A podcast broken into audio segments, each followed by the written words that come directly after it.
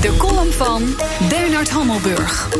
Door het geruzie met Donald Trump over de te lage bijdrage van veel landen aan de NAVO is een tijdje de schijn gewekt dat het bij bondgenootschap ging over wapens, kogels en manschappen. De diepe crisis over Turkije laat opnieuw zien dat er veel meer aan de hand is. Het bondgenootschap hangt met pleisters en paperclips aan elkaar en het Brusselse hoofdkwartier rukt aan een dood paard. Dat was eigenlijk al zo sinds de blunder van Bush junior in 2003 over niet aangetroffen massavernietigingswapens in Irak. Een aantal NAVO-leden, zoals Frankrijk, Duitsland, Turkije, België, Noorwegen, Griekenland en Oostenrijk en het Europese parlement waren tegen de Amerikaans-Britse inval in Irak en de politieke wonden van toen zijn nooit geheeld. Donald Trump heeft zijn minachting en twijfel over de NAVO nooit onder stoelen of banken gestoken. Over landen die niet voldoende bijdragen, maar ook over het belangrijkste element in de bondgenootschappelijke solidariteit. Artikel 5 van het handvest: een aanval op één is een aanval op alle. Eerst betwijfelde hij of dat gold voor de Baltische Staten. En onlangs nog over Montenegro. Agressief volkje, zei. En voordat je het weet, zitten we in de Derde Wereldoorlog. Met andere woorden, bij een aanval op Montenegro rukken we echt niet uit. Die stoute Trump toch.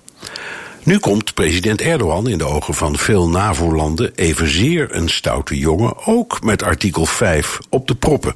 De kerstverse militaire alliantie tussen de Syrische Koerden en het Syrische leger, dus met Assad, is in Erdogans ogen een aanval op NAVO-lid Turkije. Een aanval op één is een aanval op alle, toch? En schieten de andere NAVO-landen hem te hulp? Nee, die komen in plaats daarvan met een wapenembargo tegen Turkije en met sancties. Nu kun je zeggen dat is appels en peren. Turkije zelf wordt niet aangevallen, alleen die nieuwe Turkse enclave in Noord-Syrië. Maar dat was allemaal omdat Turkije zelf gevaar liep, vindt Erdogan.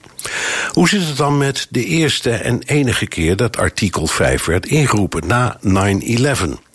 Dat was een aanval op Amerikaans grondgebied, maar moest de hele NAVO daarvoor uitrukken naar Afghanistan?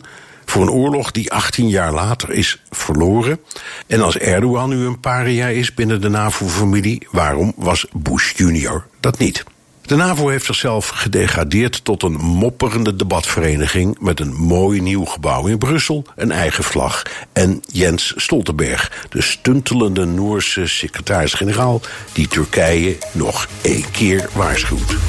En dat zei onze columnist op woensdag. Buitenlandcommentator Bernard Hammelburg. En u kunt zijn column terugluisteren, net als alle columns van alle columnisten, in onze website bnr.nl en op de BNR-app. En daar vindt u ook alle prachtig mooie podcasts van BNR.